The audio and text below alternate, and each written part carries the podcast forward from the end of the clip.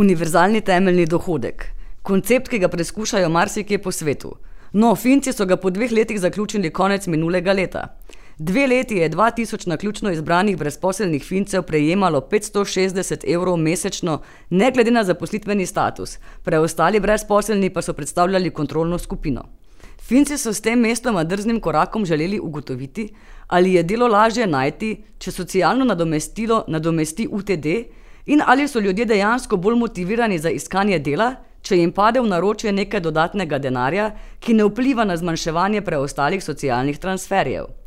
Za UTD so se sicer v deželi tisočerih jezer zavzemali levica in zeleni, presenetljivo pa je eksperiment leta dva tisoč sedemnajst izvedla desnosredinska vlada. Prav tako je presenetljivo, da je idejo preizkušala Finska, ki ima celovit in dober sistem socialne države in relativno nizko stopnjo brezposelnosti. Žal eksperiment v prvem letu ni povečal stopnje zaposlenosti udeležencev, so pa bili ob koncu eksperimenta ti veliko srečnejši. Prejemniki UTD so imeli manj stresnih simptomov in tudi manj težav s koncentracijo ter zdravjem kot kontrolna skupina. Ti rezultati so šokirali svetovno javnost. Presenetili so tudi Heikija Hilamoja, profesorja socialne politike na Helsinški univerzi.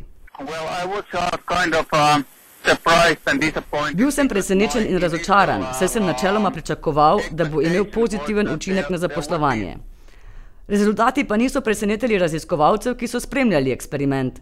Ohto Kaninen z Finskega inštituta za ekonomske raziskave poudarja, da so rezultati o splošnem dobrem počutju pričakovani in pozitivni.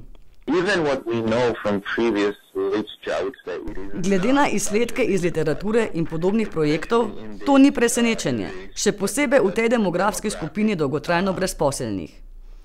Hilamo je opozoril tudi, da je vlada v začetku minulega leta uvedla novi aktivacijski model za brezposelne. Vlada je uvedla kaznovalni mehanizem, ki je do neke mere kontaminiral kontrolno skupino. Ne bomo vedeli, ali se je brezposelnost med kontrolno skupino zmanjšala zaradi tega mehanizma.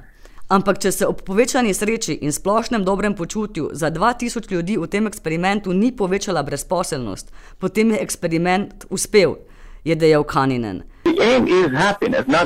Cilj je sreča, ne zaposljivost. Vsak sistem mora biti trajnosten, sicer ne deluje in dobrobit je pri tem ključna, kar pa radi pozabljamo.